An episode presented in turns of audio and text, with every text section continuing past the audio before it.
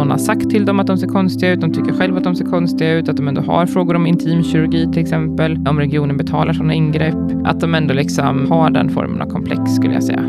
Inte alla, men många. Varför ska vi ha någon slags press på att vårt underliv inte är tillräckligt snyggt eller tillräckligt attraktivt för att kunna liggas med? Det blir bara så här, varför ska vi operera friska underliv av estetiska skäl? Det, för mig är det obegripligt. Att man, det är för mig en form av könsstympning som vi bara lagligt tillåter i Sverige. Jag skrev eh, ett inlägg på sociala medier från början där jag kände någon slags frustration i över vad jag möter. Att jag just träffar unga tjejer eh, med jämna mellanrum som liksom känner att de eh, måste ställa upp på saker, att de känner någon slags press att vara på ett visst sätt och se ut på ett visst sätt och ha sex på ett visst sätt. Man har ont när man har sex, att man har det fast man inte riktigt vill, att det är liksom att man ställer upp för någon annans skull, att de får olika typer av besvär av det här. Då. Och sen så skrev jag ju då att man inom situationstecken hårt sex ja, men det är ingen som har sagt till mig att sex ska vara skönt. Har jag ändå fått höra flera gånger. Och då känner jag så här, då vill man ju bara gråta. Och liksom tjejer som säger, ja men, eh, men vi är ihop, då har man sex. Eller liksom, eh, jag, jag ställer upp det som han vill testa. Och, och allt det här är ju, blir ju då övergrepp egentligen när man inte vill det. Eh, så det är viktigt att komma ihåg det, att liksom, man ska ju inte ha sex för någon annans skull. Ja, hörni. Det här är enormt problematiskt. Att unga tjejer ställer upp på sex och dessutom hårt sex för att man tror att det förväntas av en. Det är liksom något man bara gör. Och som Katarina säger så är ju det faktiskt ett övergrepp som alltså händer alldeles för många unga kvinnor idag. Och faktumet att det är så, ja det gör det här till ett enormt viktigt avsnitt. För det här är något vi måste prata om mycket mer än vad vi gör. Katarina är barnmorska på ungdomsmottagning och under kommande stund, ja då ska ni få höra oss prata om just det här och även hur vi kan hantera det. Alltså hur kan vi ha samtal med både unga pojkar och tjejer om sex för att komma åt det här problemet? Och innan vi drar igång avsnittet så vill jag precis som vanligt tacka Excitec som sponsrar podden och därför också gör det möjligt för mig att ha de här enormt viktiga samtalen. Så tusen tack för det, Excitec. Och tycker du som lyssnar också att det här är ett viktigt avsnitt, ja då får du väldigt gärna hjälpa mig att sprida det i sociala medier. Men nu kära lyssnare, precis som vanligt, rätta till lurarna och dra upp volymen. För här kommer ett avsnitt med Katarina Svensson Flod.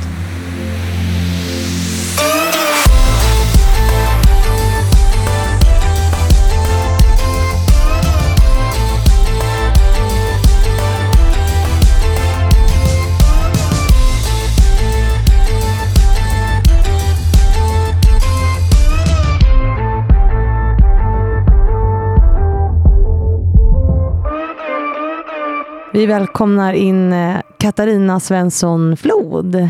Ska man säga alla namnen? Ja, men det tycker jag. Jag är ja. född Svensson, men gift Flod. Ja, mm, och du alla. valde att inte ta bort det. Ja, alltså jag, tyckte, jag tycker föda ju Flod. Jag tycker det är ett finare namn än Svensson. Men sen av princip tycker jag väl att varför ska jag ta bort mitt namn? Så då behöll jag mitt. Men våra barn heter bara Flod. Ja, skulle jag gifta mig skulle inte jag heller ta bort Widman. Det skulle Nej. bli Fanny Widman. Mm. Ja.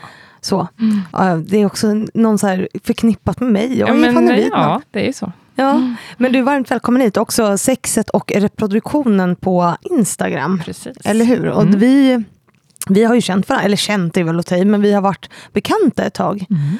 Eh, det är ganska länge nu. Ja, men det är väl typ två, det är snart tre år då egentligen som vi har ja, men, känt till varandra kanske på sociala medier och sådär tror jag. Ja, och det är ju där man känner folk nu för tiden. Ja. Vilket nätverk man det har. Och lite obehagligt när man väl träffas folk live. Så bara, ja. Känner jag dig eller inte? Du vet typ vad jag håller på med, men ändå inte. Alltså. Ja, fast vi har ju faktiskt setts live Ja, vi har ju faktiskt setts live Dels förut. fikade vi i Almedalen, mm, gjorde vi. Det var det trevligt. Mm. Och eh, vi hade en live på Instagram om preventivmedel. Just det, det, eh, det hade vi. Ja. Och det var länge, jag tror det var första gången vi träffades, ja, faktiskt, eller träffades ja, inom situationstecken. Mm. För att jag mm. insåg att så här, oj, jag kan ingenting om preventivmedel. Nej, det kan man inte. Alltså, det är inte lätt, det är en djungel. Det är en djungel, mm. det är mm. supersvårt att veta vad man ska ha komplicerat och det mm. leder till massa skit, tycker jag. Men... Ja, alltså det, det är för och nackdelar. Det är som alla andra läkemedel. Man får liksom, mm. De flesta är jättenöjda och en del är inte det och då får man hitta något annat. Ja, och testa sig fram. Men vem är du då? den svåra frågan. Vi börjar direkt. Nej, men jag är barnmorska. Mm. Det är väl typ en stor del av vem jag är, tycker jag. Mm. Att för att, och liksom, ibland är det svårt att se vem jag är privat och vem jag är jobbmässigt, att det flyter ihop eftersom att jag gör, jag, menar, jag jobbar både heltid på en ungdomsmottagning, Mm. eh, liksom regionsanställd, eh, och sen så jobbar jag med de här frågorna på sociala medier. Mm. Eh, jag brinner för de här sakerna privat. Alltså så, här, eh, ja, men, så jag är väl ibland lite grann mitt engagemang på något sätt. Att, Mm. eh, så. Men jag är också småbarnsmamma, Mm. eh, jag är gift, eh, jag är från landet, uppvuxen på bondgård. Ja. Eh, jag bor på landet nu. I Fal... Utanför Falun, utanför, Falun. Sundborn till och med. Så jag Mm. bor, vi har ändå eh, gatlyktor, så det är inte helt på landet. Nej. men folk som bor här, tycker jag, så för mig är gatlyktor att det är ändå stan, för jag är uppvuxen utan gatlyktor. Till. Ja, t- till och med men, det. men nej, så att, och jag, ja, vem är jag? Det är svårt. Vem är jag? Den stora Och jag har livsfrågan. funderat, alldeles för lite på det, kände jag nu.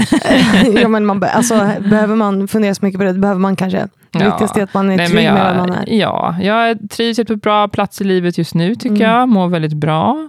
Eh, vi ska snart flytta, det känns kul. Var ska ni flytta då? Eh, Vi ska flytta till Mora. Ah, ja, ja, just det, det har du berättat. Så vi ska ta över min, mina svärföräldrars hus. Mm. Eh, så mina barn kommer bli 50 generationen som Mm. bor i det huset. Okej, Eh, och det känns, det känns väldigt fint tycker jag. häftigt. Mm. Jag körde upp i Mora, tog mitt körkort där Mhm. faktiskt. Ja, det är bra, det finns inte så mycket att eh, köra fel på. nej, nej, jag kuggade faktiskt min första uppkörning. Ja, men jag kuggade två gånger. Så att, Ja, jag hade fått reda på att jag var gravid dagen innan jag skulle göra min, Ah, min nej, då första har man annat att tänka på. Jag var lite, jag var lite eh, disträ Ja, då, jag kan man det. säga. Mm. Så nu vet alla Jag kunde det. inte skylla på det, utan jag var bara dålig på att köra två gånger. Ja, du var bara dålig på att köra två gånger. Det med Jag, högerregeln var lite svårt tycker jag fortfarande visserligen. ja. Men ja, det var det som inte gick så bra för sig. jag, skyller, jag skyller faktiskt på det, att jag Ja. var tankspridd och inte riktigt Ja. där. Så nu vet alla det. Jag har varit gravid en gång och gjort abort. Så Mm. nu har vi kommit ut om det. Ja, Vilket är helt eh, många som gör. ja absolut. Hur ofta händer det för dig på ungdomsmottagningen? Ja, men det, ja, gud, det är svårt att säga hur ofta, men det är, ja, men det är med jämna mellanrum. Mm. Att det kommer uh, unga kvinnor, eh, tjejer, som eh, ja, antingen inte använder ett, någon form av preventivmedel alls, eller använder det och det blir tokigt, eller liksom Mm. att, det, ja, att, det, har- att de har blivit gravida ofrivilligt. Och Mm. eh, då, de absolut flesta i den åldern som jag träffar, 13-25-åringar, ju- väljer ju att göra en abort. Mm. Så är det, det är få som väljer att behålla ett barn i den åldern. Mm. Hur hanterar du det som liksom barnmorska? Det måste vara svårt, eller det kanske är ett rela- eller för mig var det ett väldigt enkelt beslut. Ja, liksom. jag upplever att för de flesta, för de Mm. absolut flesta så är det ett ganska enkelt, eller ja, det kan vara en jobbig process att gå igenom, det är ingenting man önskar eller vill göra, kanske alltid, men det är någonting som man känner att men det här är det bästa för mig just nu. Ja. Eh, och för mig handlar det bara som barnmorska om att ja, men tillhandahålla neutral information. Det här, om du väljer att inte bli gravid, eller liksom inte fortsätta vara gravid, eh, då går det till på det här sättet. En abort eh, funkar så här, vi erbjuder det här stödet och så vidare. Eh, vill du vara gravid, ja men då är det mödravården du kontakt, tar kontakt med, för då är det Mm. inte vi på ungdomsmottagningen längre. Utan att på ett liksom, neutralt sätt eh, berätta, Mm. liksom, vad har du för alternativ? Och vill de diskutera och bolla de sakerna så gör ju vi det också, absolut. Ja.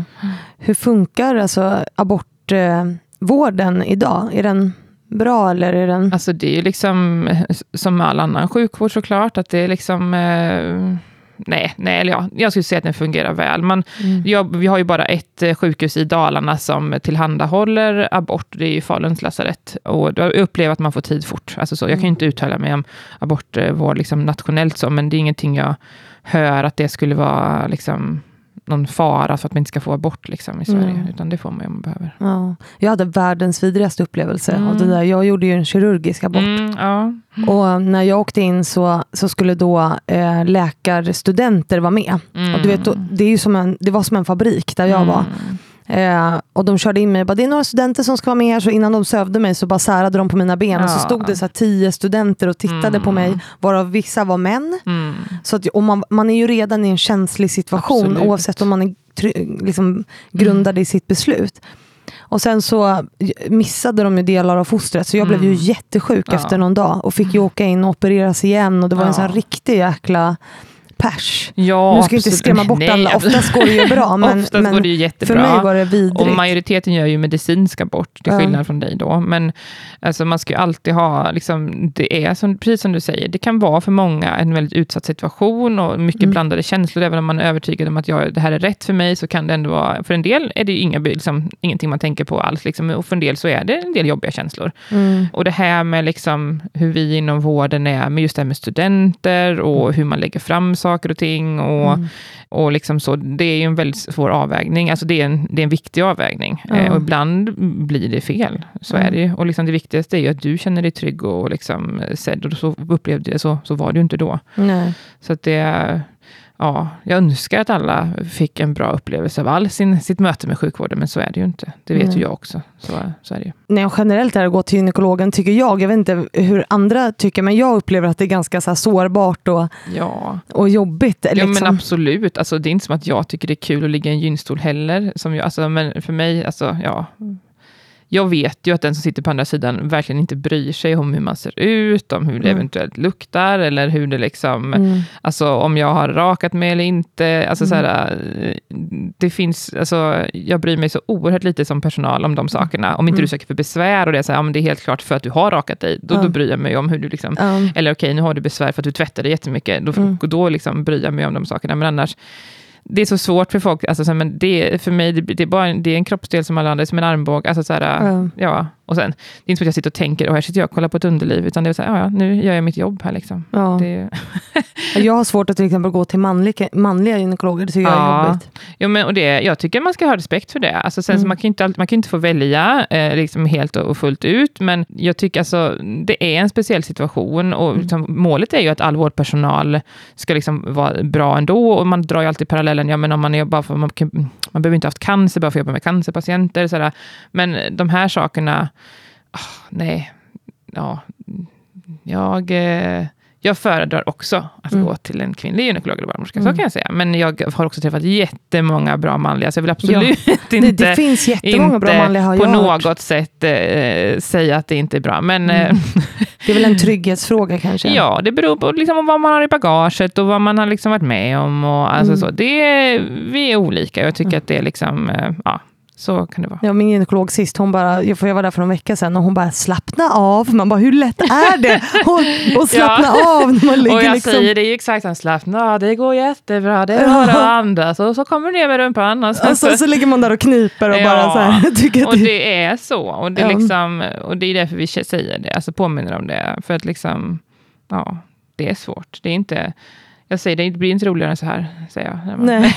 Jag tänker att det är också en, en värre situation, eller värre situation men för unga, alltså när man är lite mer, alltså inte lika trygg i sig. Eller Mm. förstår att, man, att det blir liksom jobbigare. Ja, jag gör ju många första gynundersökningar på Ja. någon. Och det känner jag är ett enormt ansvar. Ja. Att få den här situationen att bli så bra som möjligt. Att Mm. de, så här, det här är ju första gången av ett liv av, eh, liksom ändå, för många, ändå återkommande undersökningar. Mm. Liksom I samband med cellprovtagningar, i samband med eventuell graviditet, förlossning, efterkontroller, eller om man behöver testa sig, eller om man ska liksom, ja, ha något preventiv med spiral till exempel. Så, Ja. så att jag tar det liksom, försöker att verkligen eh, göra det till en så himla bra situation som möjligt och det ska vara lugnt och avslappnat och man förklarar innan och visar bilder och visar instrumenten Mm. och så här kan det se ut och behöver du pausa så gör vi det och gör det ont och avbryter vi, det är ingen prestige i det här och Nej. vi löser allting och vill du ha en filt på det går det bra och vill du liksom ha med en kompis så får du det och Mm. lyssnar du på musik det går jättebra. Alltså, Ja. så här, Ja, det är superbra att få, få det blir som en spa-upplevelse mer tänker jag.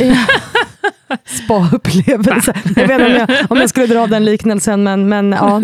Nej, men det är viktigt att normalisera och prata om det. Ja. Och liksom så att det är en jobbig utsatt situation, Ja. även om den är normal för dig. Ja, ja men absolut. Man Så- måste alltid komma ihåg det. Mm. Att även om det för mig är en arbetsuppgift så är det ju något speciellt för den som kommer. Men jag tänker också att egentligen så är det ju problematiskt att man har den inställningen till att det liksom är jobbigt. Därför det hänger väl också ihop egentligen med hur stigmatiserat det är att prata liksom om eh, skatten, som jag kallar den för, Mm. eh, men vulvan eller Mm. vaginan eller nu, att det är liksom ett ämne som är ganska så tabu att prata om. Ja, men absolut. Och liksom att det ändå är förknippat med någon slags skam och som, precis just det att man ändå ber om ursäkt. Oj, förlåt, nu har jag inte rakat mig. Oj, förlåt, nu har jag varit jobbat hela dagen, så nu luktar det säkert lite. Eller Mm. eh, att man har liksom olika funderingar på hur man ser ut och, och hur du är och så vidare. Mm. Eh, och det gör ju väldigt ont i mig varenda gång man får ta de samtalen. Ja. Att, liksom att man inte... Ja, att man har såna starka känslor och ofta såna liksom, ja, negativa känslor Mm. kring sitt könsorgan, kring sin vulva. Alltså, så här, det är oftast den, för slidan, liksom, själva liksom, kanalen inuti, är det inte många som har så mycket åsikter om. Alltså, okej. Mm. eh, men, men det är ju liksom utsidan, alltså vulvan, de yttre blygdläpparna, inre blygdläpparna. Alltså Inte den, snippor snippan. Alltså snippan. ja, men, jag skojar, Ja. förlåt. Vilket ord. Jag bara, men jag- vi måste jag vet kunna skämta om det, är. det är det sjukaste jag som- tänker att jag vet vad en snippa är. Ja. Nej, men att ändå, för mig är ju snippan då både yttre och inre. Alltså att man Ja. kan, det är så. Men Ja. jag är väldigt mån om att man också ska, inte för att det på något sätt, eh, liksom, jag tycker man ska känna till liksom, de anatomiskt korrekta delarna, inte för att man ska behöva kunna det i en rättssal till exempel. Då. Men jag tycker det är bra att alla människor vet vad, vad kroppsdelarna heter, Ja. eh, för att liksom, kunna söka information, kunna liksom, eh, ja, mm, söka vård och så vidare. Mm. Och också bara en rättighet att veta, vad, vad, vad har jag för kroppsdelar, hur funkar de, hur ser Mm. de ut? Men upplever du att ungdomar, eh, alltså unga tjejer har komplex över sina, sina skatter? Ja, ja, men det tycker jag. Inte alla, men det är liksom eh, många som, alltså, ja, jag träffar återkommande tycker jag ändå ungdomar som eh, som sagt undrar, eh, ser jag normal ut? Är det så här man ska se ut? Hur ska man se ut? Eh, ja, någon har sagt till dem att de ser konstiga ut, de tycker själva att de ser konstiga ut, att de ändå har frågor om intimkirurgi till exempel, Mm. eh, om regionen betalar sådana ingrepp, att de ändå liksom, eh, ja, har den formen av komplex skulle jag säga. Inte alla, men många. Ja, och vad är det man har komplex över då? Alltså hur den ser Oftast ut? är det blygdläpparna. Mm. Att, det liksom, eh, att om man kollar på ja, men liksom reklam, så här, man kollar någon som gör reklam för bikinitrosor, eller bara bikinitrosor som säljs överhuvudtaget. De döljer ju typ en, de kan ha som tandtråd i princip, de döljer en halv blygdläpp känner jag. Så, så här, det är liksom, eller ja, man får på sig vad man vill. Men jag föredrar rejäla eh, tanttrosor. Eh, Ja. Så har vi sagt det, outat det. Eh, nej, men att liksom, Det är en smaksak. Ja, det är en smaksak. Ja. Även om underlivet kanske inte föredrar eh, små grejer i spetsen som sitter tight, alltid, ifall man har besvär. Man får ha vad man vill. Men eh, att liksom, ja men att modet kring kläder inte alltid känns som att det är, att man ändå också, det här med att inte ha någon camel toe, alltså här att Mm. man inte ska kunna se blygdläpparna då, att det är något oattraktivt av någon anledning. Ja. Eller att, eh, ja men inom eh, Ja, men när man googlar på bilder på underliv eller googlar liksom om man har kollat på porr eller om man liksom, bilder som generellt syns på liksom, blygdläppar är Mm. ganska symmetriskt. eh, Och det är också det som till exempel när man kollar på kliniker som jobbar med att faktiskt eh, förändra, alltså operera friska underliv av estetiska anledningar, så pratar man just om symmetri. Och den typen av ord väljer man då liksom estetiskt mer tilltalande. Och känner så här, ja, alltså det är en kroppsdel. Eh, Det går bra oavsett Mm. hur den ser ut. Och de allra flesta efter puberteten har ju majoriteten av alla vulvor att de inre blygdläpparna sticker ut mer eller mindre utanför de yttre. Och de är oftast lite olika långa, de inre blygdläpparna kan vara lite olika rynkiga, har lite olika nyanser av rosa. Så här. Mm. Alltså vi ser verkligen olika ut. Och det jag Mm. känner så här, varför ska vi ha någon slags press på att vårt underliv inte är tillräckligt snyggt eller tillräckligt attraktivt för att kunna liggas med? Det blir bara så här, Mm. Varför ska vi operera friska underliv av estetiska skäl? Mm. Det för mig är det obegripligt. Att man, det är för mig en form av könsstympning som vi bara lagligt tillåter i Sverige. Är det många unga tjejer som gör det? Jag kan inte säga hur många som gör det, men jag får ändå återkommande frågor om liksom så här, vart har ni en klinik här? Liksom, kan regionen sagt betala det? Hur går man tillväga? Och så där. Så att, Mm. att man ändå har frågor och funderingar kring det. Mm. Sen kan inte jag ha någon statistik för hur många Mm. som faktiskt gör det sen. Nej. Jag har faktiskt aldrig tänkt på det där, om jag ska vara helt ärlig. Mm. Alltså hur jag, men- och det kanske man ska göra, man kanske ska kolla hur man ser ut där nere, det har jag aldrig gjort heller. Ja, eller alltså så här, ja, Eller å ena, å ena sidan känns det, ja, det är jättebra att veta hur du ser ut. Det är jättebra. Å andra sidan, så här, ja, fast vad spelar det för roll? Alltså, Mm. så här, jag är lite blandat, så här, ja, vad ska du göra med den informationen? Eller så här, Mm. funkar det, funkar det, är det göttigt när du har sex? Ja, alltså, så här, ja då eh, har du inga besvär. Ja, men också så här, å andra sidan, ja, det är bra att veta. Så här ser jag ut, så här fungerar jag. Så att, Det är behöver- ingen som har klagat eller vad? Nej, och, alltså, och tycker jag, någon som klagar så kan de göra någonting annat, tycker jag, än att vara där då i så fall. ja, precis. Då, då ligger det hos dem i så fall, ska jag Ja. säga. Ja, för det där är ju tragiskt. Jag tänker att porren spelar ju in jättemycket där i vad vi ser liksom, i form av... Ja, men alltså, jag, alltså så här, eh, man, kan, man såklart, kan såklart hitta alla kroppar och alla representationer om man googlar tillräckligt länge på porr också, men det är liksom huvudgrejen är ju penetrationen och då behöver man ju se penetrationen väldigt tydligt och då är det ju bättre, med, alltså så här, vanligare med en viss typ av underliv kanske så som Ja. syns för att det ska se så bra ut som möjligt på något sätt, jag vet inte. För att det ska vara visuellt fint. Ja, eller tydligt. Alltså jag vet inte riktigt. Jag har inte, brukar inte producera så mycket porr eller så, så jag har inte ins- insatt i vad jag brukar tänka faktiskt.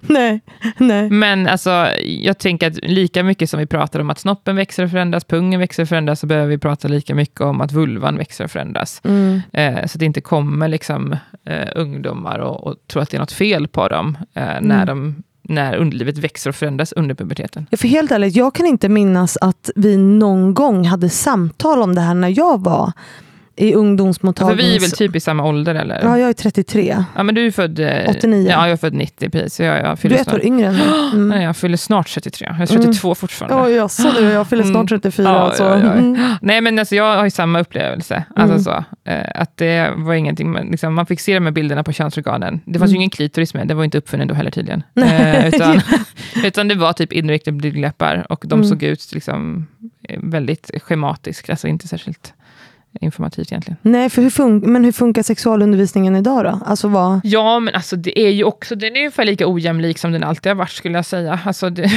en del skolor har jättebra sexualundervisning, en del skolor har ingen knappt. Alltså, ja, det är fortfarande väldigt godtyckligt, väldigt olika. Vi har ju en ny läroplan sedan i höstas. Nu heter det dessutom sexualitet, samtycke och relationer då. Mm. Och för första gången så är det sedan i höstas obligatoriskt för lärare att få undervisning, eller för liksom att få lära sig hur man undervisar i Mm. ämnet.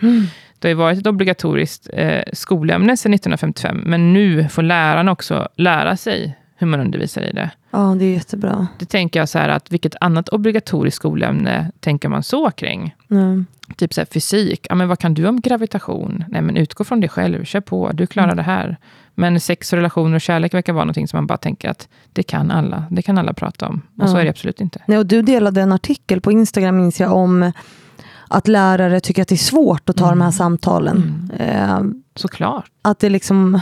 Eh, och, och det måste man ju också träna på. Jag menar, jag Ja. spelade in ett helt avsnitt om vulvan och tyckte orgasmer och g-punkter och var ska man stoppa in fingrarna och så här, eller var ska man trycka. Och jag tyckte att det var lite så här eh, obekvämt. Mm. Eh, för att det liksom inte är normaliserat att, att prata om det. Nej, och jag tänker så här, om man jobbar som lärare, det brukar jag säga när jag är ute och föreläser, så här, att alla behöver inte heller känna sig bekväma att prata om sex. Nej. För nu har vi också så himla smidigt, det heter sexualitet, det heter samtycke och relationer. Mm. Alla kan säkert prata om hur är man en bra vän, hur är man en bra medmänniska.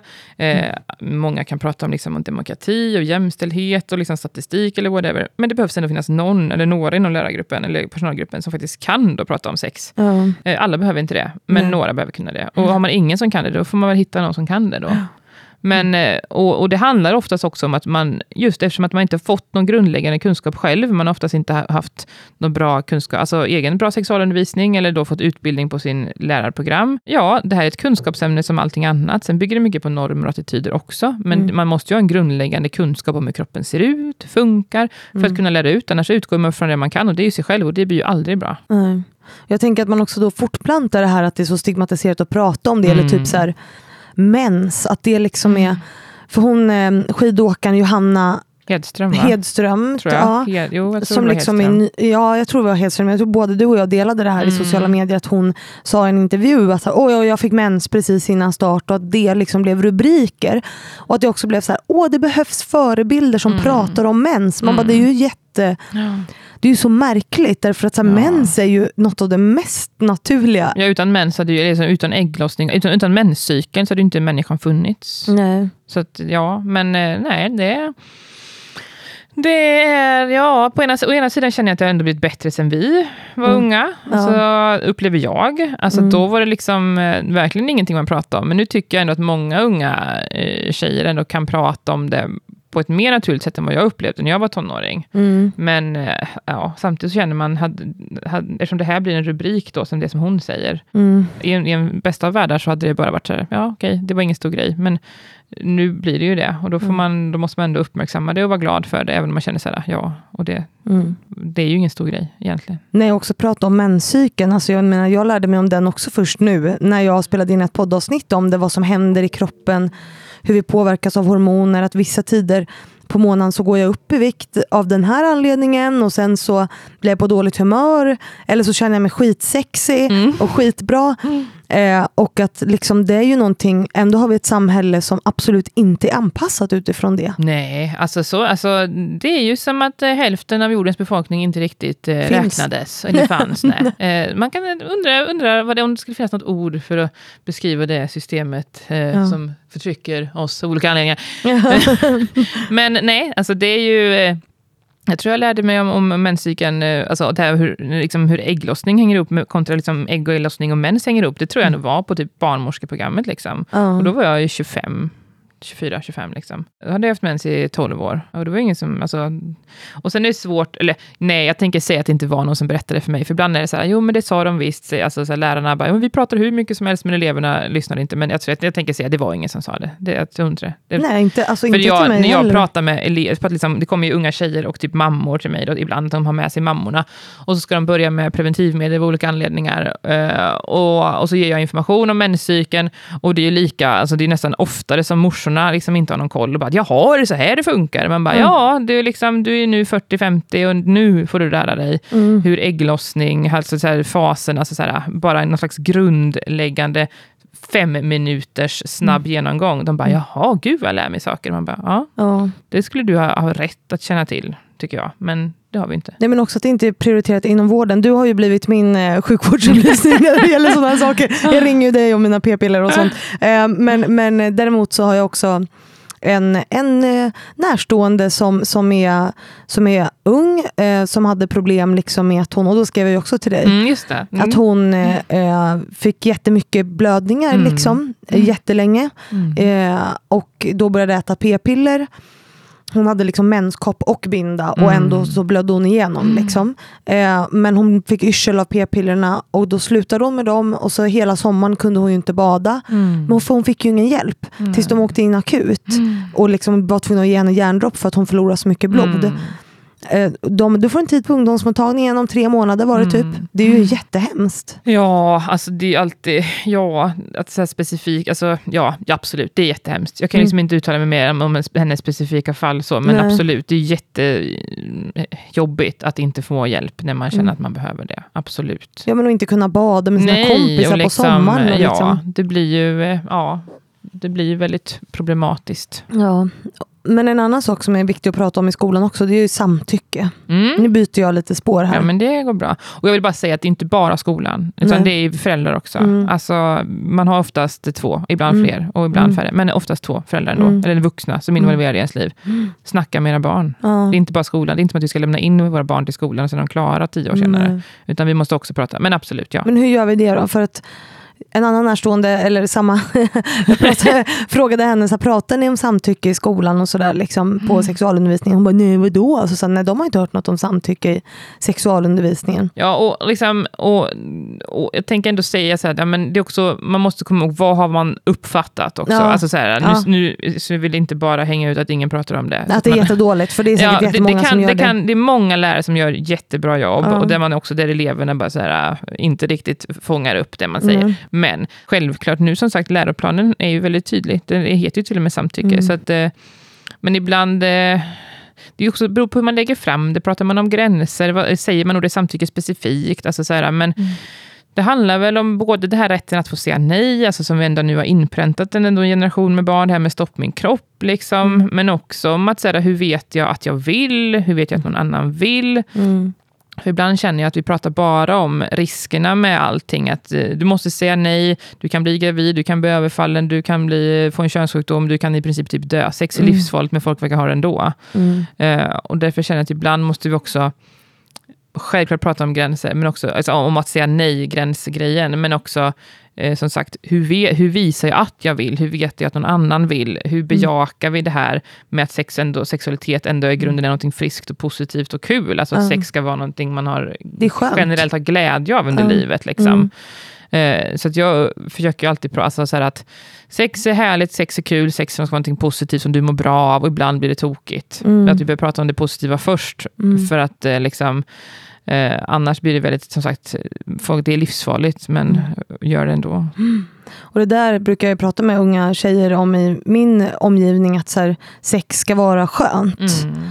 Och säga det. Det finns en dokumentär på Netflix också som handlar om, nu kommer jag inte exakt ihåg vad den heter, men den handlar ju om liksom hur man tillfredsställer sig själv och hur det ska Mm. kännas. Och the, the pleasure of, jag kommer inte ihåg Ja, exakt vad den heter. precis.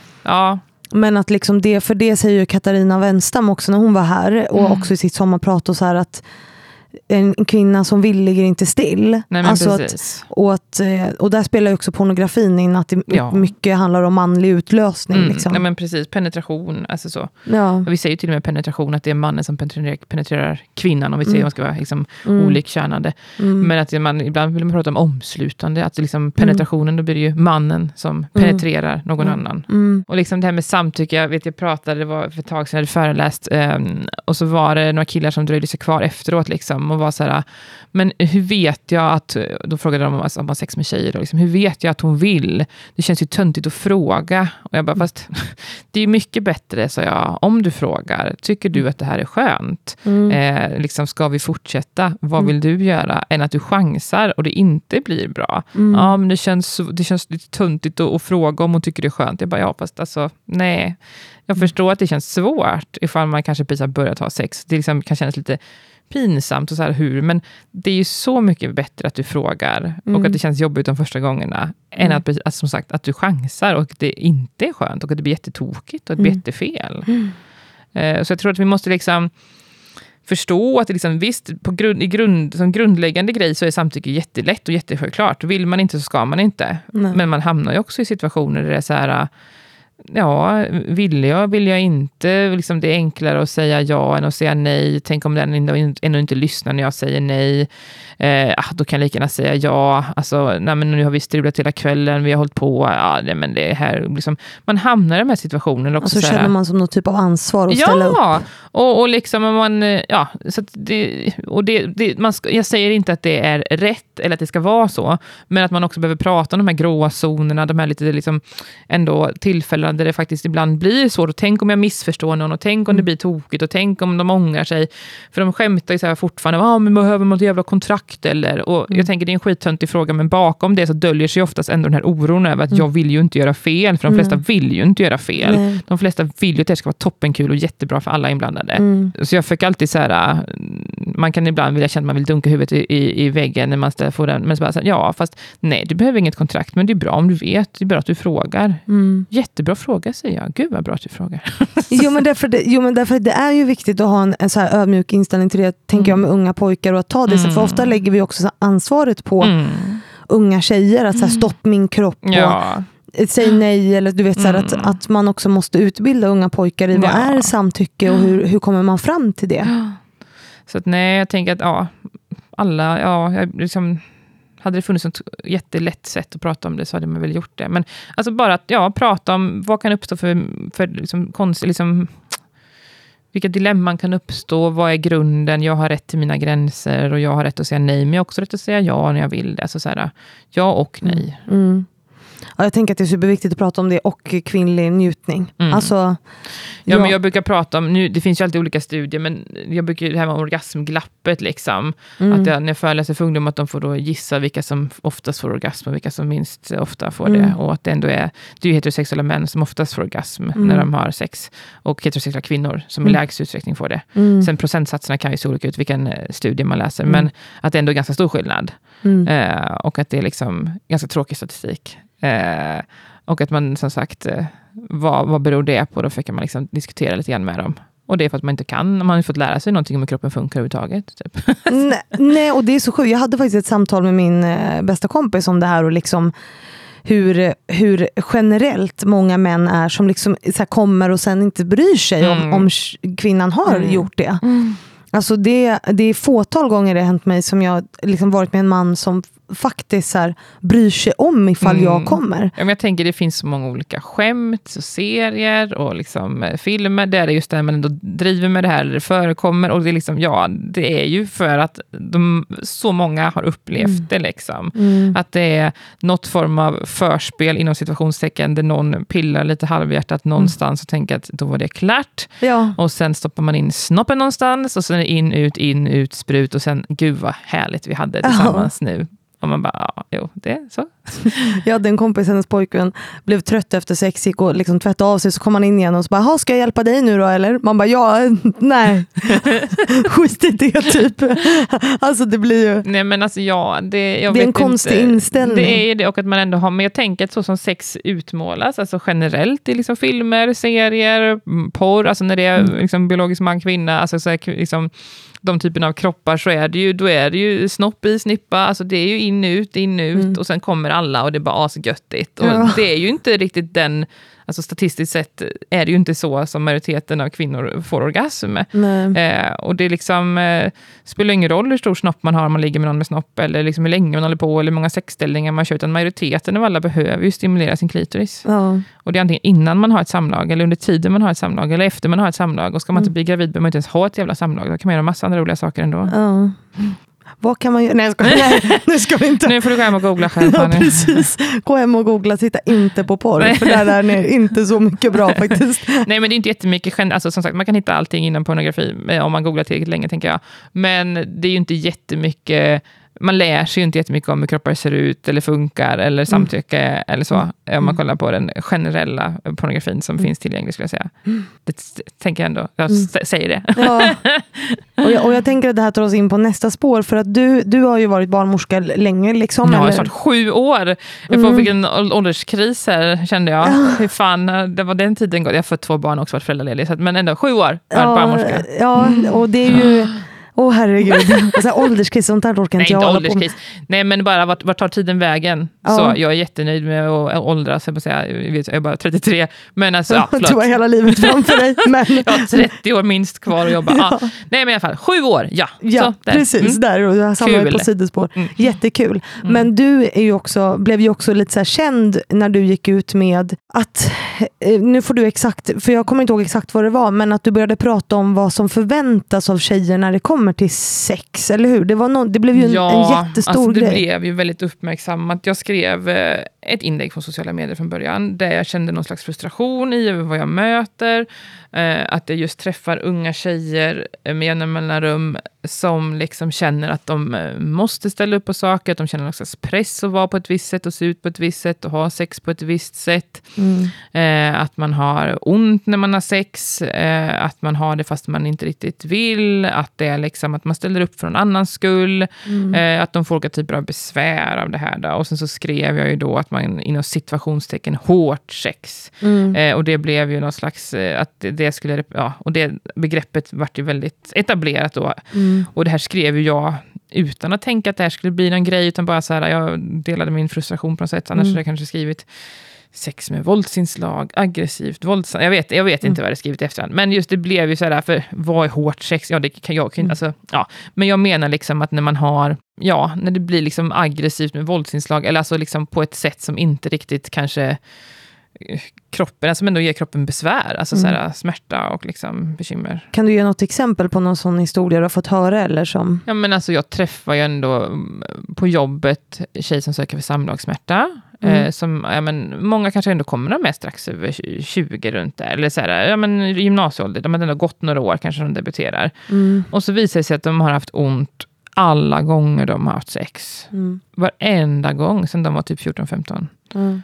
Varför, och så säger man, gud vad bra att du kommer hit. Var, Mm. Varför, liksom, vad bra att du kommer hit nu, men varför kom du inte tidigare? Inte, liksom, inte för skuldbelägga, men sådär, Mm. ja, varför kommer du nu? Typ, sådär.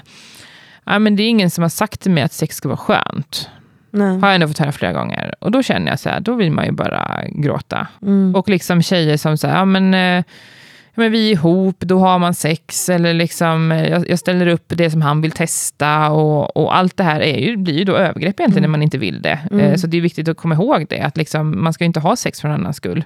Nej. Eh, Men och liksom, en tjej som har besvär, som har fått, liksom, och det här hänger ihop där med, okej, om jag får sprickor, alltså så här självsprickor, det kanske inte alltid är av hur jag har sex, men det kan vara en kombination av ifall jag liksom tvättar mig med väldigt mycket tvål, ifall jag använder mycket parfymerade produkter, ifall jag har väldigt liksom, eh, material som inte underlivet mår så bra av, hur jag liksom tar hand om min kropp, eh, eh, och sen hur jag har sex. Har jag sex innan jag är upphetsad? Använder jag liksom något form av glidmedel som komplement, eller kör man bara på, eller pausar när det är ont? Alltså allt det här gör ju att det blir ju inte alltid jättebra. Nej. Så liksom, men ja, och, och, och jag fick väl på något sätt skriva om det och det blev väldigt uppmärksammat. Och många ungdomar hörde av sig till mig och var liksom, ska jag känna igen mig i det här? Och det var liksom andra som jobbade med, liksom, många från kvinno och tjejjoursrörelsen som hörde av sig och liksom kände igen det jag skrev om och sådär. För jag sa ju det också, att jag tycker att det här kommer, att det liksom influeras från eh, hur liksom sex skildras inom pornografin. Mm. Eh, Så det var väl det. Eh, som jag skrev om och uttalade mig om då. Mm. För det är snart tre år sedan nu. Då. Mm, och att, jag har för mig att jag läste något om att de tyckte att de behövde ställa upp på analsex och sådana saker. Ja, jag menar att det liksom ändå är någonting som ja, man ska testa. Mm. Eh, Mm. Och det måste ju göra jätteont att höra de här sakerna. Eller det var, var ja, väl därför du delade? alltså det... Ja, man blir ju liksom, man känner ju, alltså... För, för, jag, för jag tänker att sex, oavsett om man har sex för att man är kär, eller för att man bara är kåt, eller för att man liksom bara vill testa det, oavsett varför, så ska det ändå tänka vara någonting positivt, någonting skönt, någonting Mm. som inte liksom åsamkar med den typen av smärta, alltså så Mm. här, att det blir liksom besvär. Eh, och att då få höra ändå av unga tjejer och kvinnor, liksom att man så här, ja men, min kropp, liksom, det, det blir liksom grann som att, ja, men, när vi var unga så var det så här, men har man legat med många så blir man en hora, och det var ändå någonting dåligt. Idag kan det nästan vara så här, ja men jag, jag ligger med många, så jag är en hora, att man liksom har försökt reclaima det ordet, vilket jag tycker Mm. bara så här, blir ja, väldigt problematiskt av många an- anledningar. Men att man liksom, Ja, det är fine för mig att ligga med många, men samtidigt är det inte att jag ligger med många för att jag vill, utan jag bara låter många ligga med mig, för att Mm. andra vill ligga med mig. Det är inte jag som ligger, utan jag blir legad med, eller hur man nu liksom, grammatiskt säger det. Mm. Att liksom min kropp är fortfarande till för någon annans njutning. Mm. Eh, upplever jag ändå att det finns en form av liksom, attityd Mm. eh, bland unga tjejer. Och vi har varit inne på det lite, men, så här, men hur kommer vi åt det? Alltså för det är jätte... Alltså det här, jag finns här för att tillfredsställa mannen och, och Mm. folk får ligga med mig. Mm. Men jag tycker inte att det är skönt. Alltså, Ja, alltså, och jag vill också vara tydlig med att det är inte alla, så att du inte känner att det är inte hopp, alltså alla ungdomar har det ju inte så här, alla upplever inte, men det är ändå eh, någonting som jag, alltså, ja, det förekommer absolut Mm. jätte, liksom, ofta. Men, eh, ja, Nej, men jag tänker att överhuvudtaget prata om kroppen. Alltså Mm. att vi, alltså återigen, att hur, vi ska inte skämmas över våra kroppar, vi ska inte skämmas över att vi har mens, vi ska inte skämmas över hur vi ser ut. Vi ska inte liksom, det är natur, det är liksom, kroppen är en kropp, det är liksom grejer som finns, vi ser ut så här, det funkar Mm. på ett visst sätt. Rätten att veta då, hur ser jag ut, hur funkar jag? Vad är liksom rimligt eller inte? Vad är realistiskt när man ska ha sex första gången? Eh, Mm. vad liksom vad lär jag mig från mina, vad säger mina föräldrar, vad säger skolan, vad säger Mm. sociala medier, vad säger Mm. porr, vad säger serier, filmer, alltså så här, eh, vi får ju så oerhört mycket inputs, och Mm. mycket är ju sexualiserat, och det är kvinnans kropp som sexualiseras mest. Liksom. mm. Nej, men jag måste ju tro att samtal hjälper, annars hade jag, inte, annars hade jag bara gett upp. Ja, jag. precis. Alltså, Annars hade du lagt dig platt ja, men och bara... annars hade jag bara sagt, ja men gör vad fan ni vill, då. Jag, Ja. det spelar väl ingen roll känner jag. Men, det liksom, nej, men jag måste ju tro att, att det gör skillnad. Och det känner jag, det kommer ju fram liksom, ungdomar efter mina föreläsningar också. Bara så, här, Gud vad bra det var, tack Mm. så jättemycket, ni har lärt mig jättemycket och det är ingen annan som har pratat om det här på det här sättet. Och liksom så. Då känner man så, ja men då har jag gjort skillnad för den här personen. Mm. Då kanske det liksom eh, genererar någonting, att den pratar med sina vänner, eller den liksom känner sig stärkt, eller liksom, eh, Mm. ja jag vet inte. Men eh, nej, prata mer. Det låter alltid som att liksom, det låter så himla futtigt. Nej men alltså prata är ju, samtal är ju nyckeln till väldigt mycket. Ja. Alltså så är det ju. Men och du är ute och föreläser, och nu ska jag se om jag säger rätt, SRHR, Mm. sexuell repro- reproduktiv hälsa och respekt. Rättigheter. Rättigheter. Sexuell, alltså det bara själv ska säga det. Sexuell och reproduktiv hälsa och rättigheter. Mm. Vad är det för någonting? Alltså det är ju sexuell och reproduktiv hälsa. eh, Alltså för, för det första, om man ska mm, få det, det här är som ett samlingsbegrepp som Mm. liksom på något sätt har att göra med de mänskliga rättigheterna också, kan man Mm. tänka. Eh, för att man ska nå sexuell hälsa och reproduktiv hälsa så behöver man också ha de här, eh, uppfylla de rättigheterna som vi har. Mm. Och där handlar ju om till exempel ja, men rätten att få ja, men ha den sexualitet man har, att få vara liksom den man är, att få ha sex med vem- man vill, när man vill, om man vill, någonsin ha sex överhuvudtaget, att liksom Mm. bestämma över sin egen sexualitet. Mm. Och att också ha rätt till information, att ha rätt att kunna skydda sig mot graviditet om man inte vill bli gravid, rätt att ha information om hur man blir gravid ifall jag vill bli gravid. Mm. Eh, hur många barn vill jag ha? Det har jag rätt att bestämma. När, hur lång tid emellan vill jag ha mina, mina barn, ifall jag ska Mm. ha några. Liksom jag har rätt till eh, eh, bra och trygg vård under tiden jag är gravid, ifall jag vill göra en abort, eh, ifall jag liksom ska, när jag ska föda det här barnet. Eh, Mm. Alltså så, rätten till min egen sexualitet och en trygg och frisk sexualitet och reproduktion, då kan man Mm. tänka. Mm. Och det har vi etablerat att det finns det låg kunskap om bland. Ja men absolut. Alltså, nu i Sverige, visst vi har ju, vi har ju alla förutsättningar egentligen mm. för att, och vi har det, om man tittar globalt sett så har ju vi det jättebra på många sätt när man pratar om de här sakerna. Jag menar, vi var först i världen med obligatorisk sexualundervisning 1955. Mm. Om man tänker preventivmedelsmässigt, om man tänker hormonella preventivmedel så kom ju eh, det kombinerade p-pillret till Sverige 1964. Visserligen mm. fick bara gifta kvinnor använda det då, men de, mm. det kom ändå. Mm. 1974 fick vi den abortlag vi har idag. Mm. Och 1979 tog man ju bort eh, sjukdomsstämpeln på homosexualitet i Sverige. Mm. Så jag menar, idag har vi ändå många rättigheter, många möjligheter som mm. gör att vi ska liksom kunna känna oss trygga och fria och säkra i de här frågorna. Eh, men sen så finns ju såklart jättemycket problemområden man behöver jobba med. Men globalt sett så är det här liksom ändå någonting man också behöver komma ihåg är oerhört, liksom, det är det farligaste man kan göra att bli gravid egentligen, när man mm. tänker så, alltså mm. globalt sett. Mm. Men nej, jag skulle säga att eh, när man pratar om det som sexuell hälsa som begrepp, det är liksom men det handlar ju om att alla har rätt till en positiv och respektfull liksom, sexualitet. Mm. Och att man ska ha, ha, rätt till säkra och lustfyllda upplevelser fria från tvång, diskriminering mm. och våld. Mm. Det är sexuell hälsa. Mm. Du ska liksom ha bra, bara positiva upplevelser kopplat till din sexualitet för att kunna liksom nå sexuell hälsa kan man mm. tänka. Och jag menar globalt sett, alltså, det är ju flickor gifts bort, eh, flickor dör liksom av, eh, flickor och kvinnor dör i liksom när de är gravida, när de gör osäkra aborter, mm. Eh, könsstympning, alltså liksom, man har inte rätt att bestämma, vill man ha några barn, hur många barn och så vidare, inte överhuvudtaget. Utan, mm. Men i Sverige, ja, vår mödradödlighet och vår spädbarnsdödlighet, ja den är väldigt låg, men vi har ju som sagt andra saker att jobba med också. Såklart. Uh. Och jag tänker, när du är inne på det här med barn och sådär, upplever du att eh, de här unga kvinnorna som kommer till dig, att de känner en press på det här att skaffa barn? Är det något ni pratar om? Det, man kommer ju inte jätteofta in på de grejerna. Eftersom, alltså så här, alltså jag skulle vilja säga generellt att det såklart finns en väldigt stark norm om mm. att man ska skaffa barn. Så är det ju. Mm. Men det är sällan någonting jag kommer in i diskussion med, med dem på ungdomsmottagningen. De mm. kommer ju till mig för att de absolut inte vill bli gravida just då. Mm. Och sen är de ju tonåringar, så för dem, om man generaliserar lite om tonåringar, de har ju inte ett jättelångt, de tänker ju inte jättelångt fram i tiden. Utan de är här och nu. Vi har varit tillsammans hur länge som helst, typ tre månader. De känner att det liksom är en evighet och man bara, ja visst. liksom, de, och det är ju en del av, av att vara tonåring. De, de är mm. liksom här och nu, så att se det här äh, om 10 år, om 15 år, det är liksom inte alltid jätteintressant. Och någonting mm. som vi liksom, men jag tycker det är viktigt att prata om det här, för det finns ju ändå ett begrepp som också har lanserats, eh, liksom reproduktiv livsplan. Mm. Eh, om att, så, okay, vill du ha barn i framtiden? Att ändå reflektera över det. Mm. Och att då fundera, för att vi, har, vi kan ju inte bli gravida hur lång tid som helst. Alltså, vi har ju ändå ett, en, ett bäst före-datum, men alltså, vi är ju inte fertila i all evighet. Eh, och att då känna till det.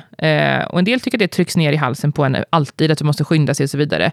Men, men samtidigt så träffar jag många som bara, liksom, jaha, kan jag inte bli gravid nu när jag är 40 eller någonting sånt? Nej. Så att ändå veta om, okej, okay, vill du ha barn? Ja, men jag vill ha barn. Hur många barn vill du ha? Ja, jag vill ha tre, säger vi. Ha. Mm. När vill du föda den sista då? Ja, mm. men hur gammal vill du vara? Och då man liksom på något sätt ändå planera. Sen kan man inte alltid bestämma. Det vet jag också, herregud. Och det, man kanske inte blir gravid, man kanske inte är tillsammans med någon och så vidare. Och så vidare. Men ändå ha någon form av att tänkt vad har jag för plan?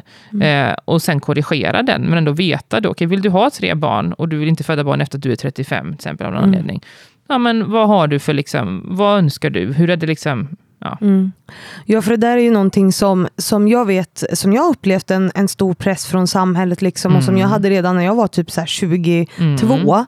Att så här, jag ska skaffa skaffa barn. Liksom. Mm. Det var en del av min livsplan. Mm. För att det mm. ingår i den här mm. happy clappy familjen på Lyckliga Gatan. Ja. Hur, och jag tänker så att det är viktigt att ha de samtalen med unga i tidig ålder. Mm. Och det är också en, en, en, fråga från min sponsor Excitec. Alltså hur kan vi ha de samtalen och liksom öka kunskapen om det? Vad tror du? Om, alltså, om att skaffa barn eller inte skaffa barn? Ja, alltså att så här, för jag, till exempel, när jag har pratat om de här frågorna i sociala medier så kommer det ofta upp eh, dels kvinnor som upplever den här pressen mm. och också kvinnor som bara, jag hade behövt någon som dig mm. när jag var ung därför att jag skaffade barn mm. för att det var norm. Mm. Och jag mm. älskar mina barn mm. men jag typ ångrar att jag skaffade dem där och då.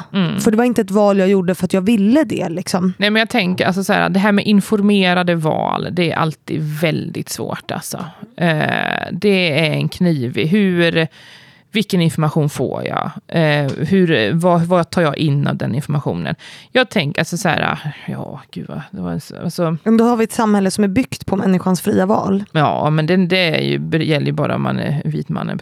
Men alltså, oj oj, inte alla män. Men också våra fria val Ja, påverkas. Vi har ja, ju men inte och ett ibland känner jag att vi har alldeles för många val. Nu tänker Mm. jag gå in på den. Alltså, så här, Ibland det blir, fan, man kan inte välja allting heller. Nej. Alltså, det blir för mycket ibland känner jag. Mm. Eh, nej, det är bra att man, det har inte velat leva, det, vi lever en demokrati, det är bra. Man ska få välja själv. Men ibland känner jag att det blir också väldigt mycket. Mm. Men nej, hur ska vi kunna samtala mer om det? Ja du, alltså Överhuvudtaget tycker jag igen att alla ska veta hur kroppen funkar. Vad har jag? Okej, om, om jag inte vill bli gravid, om jag vill bli gravid, hur gör jag för att undvika en graviditet? Hur gör jag för att främja att jag blir gravid? Eh, hur lång tid har jag på mig att ändå eh, bestämma mig? Eh, alltså så. Och ja, att då visa personer som lever ett liv utan barn och är jättelyckliga. Eh, för det går. Alltså så här, herregud, man behöver inte ha barn för att vara lycklig.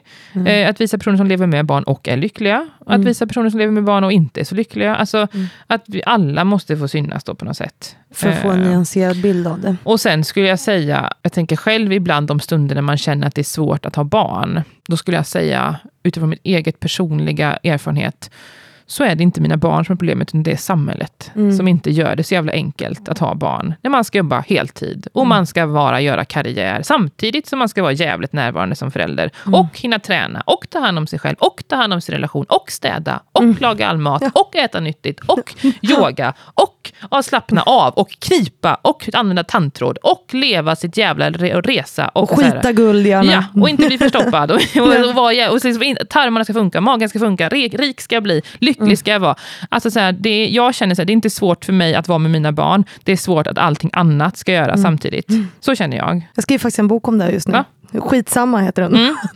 Men alltså, ja, för jag blir så jävla provocerad. Och också Ja. det här att, "Åh, tänk på att barnen bara är små en enda gång. Ja, Okej, då ska jag vara ledig då och ta hand om mina barn, jättegärna. "Åh, Tänk på pensionen. Jaha, Mm. vilket ska jag göra då? Ja, Mm, jag kan inte göra både och. nej. Nej, Mm, det, ja, nej, det, det det, det ska upp- inte vara upprörd. lätt att vara människa. Nej, det ska Nej, inte men jag vara blir också det. upprörd av det där. Eh, så att jag tror, jag så är det inte för alla säkert, men jag känner att de stunderna när jag tvivlar på mig själv som förälder och jag känner att det här, "Åh, vad gör jag, vad håller jag på med? Då landar jag oftast i att ja, för att jag kan inte göra allting. Det här är liksom, eh, och då har vi ändå bra förutsättningar i Sverige. Mm. Vi kan vabba, vi kan ha föräldralediga, vi har eh, liksom, dag, liksom förskoleplatser, Mm. vi har liksom, men ändå eh, så är det svårt. Ja, skitsvårt. Mm. Och vi har spelat in jättelänge nu, men det är en fråga till som jag känner att jag måste lyfta med dig. Mm. Som är viktig när det kommer till ungdomar och liksom Eh, ja, det blir ju digitalt våld då på ett sätt. Det här med nakenbilder och sådär. Mm. Som jag tycker ändå att vi måste öka medvetenheten om. Eh, när, vi, när jag ändå har dig här. Nu blev det verkligen hopp, eh, hoppa Mm, över. byta ämne. Men kan inte du bara beskriva problematiken med, med nakenbilder? Eh, det blev en väldigt öppen fråga här. Eh, men Jo, men dels, dels ser jag en problematik i när man pratar om, om nakenbilder med ungdomar, att de inte vet om att det är ett brott att sprida eh, nakenbilder olovligen. Att de inte alltid vet om att det är ett brott att skicka nakenbilder när ingen har bett om dem. Eh, det väcker alltid reaktioner när man tar upp det här. mm, Sen tycker jag att man ska förstå, vi är ute och föreläser, jag föreläser för upp ner till årskurs 6, liksom 12-åringar. Och så pratar man om nakenbilder, om dickpics generellt, oftast är det ju, när det är liksom den typen av bilder. Att man märker att i nästan, i princip varenda klass, så börjar det skruvas på sig, det börjar tittas på varandra, det börjar liksom fnissas, det börjar så här skicka, tittas menande. Att det är någonting som de absolut flesta har upplevt. Ja. Alltså så här, någon har skickat, någon vet om någon som har skickat, någon vet om någon som har fått. Alltså så här, Mm. ja men ja, jaha, ska man anmäla det? Jaha, får man inte göra så? Att det är liksom att man måste försöka lik, det är som att någon skulle gå fram och visa könsorganet på stan.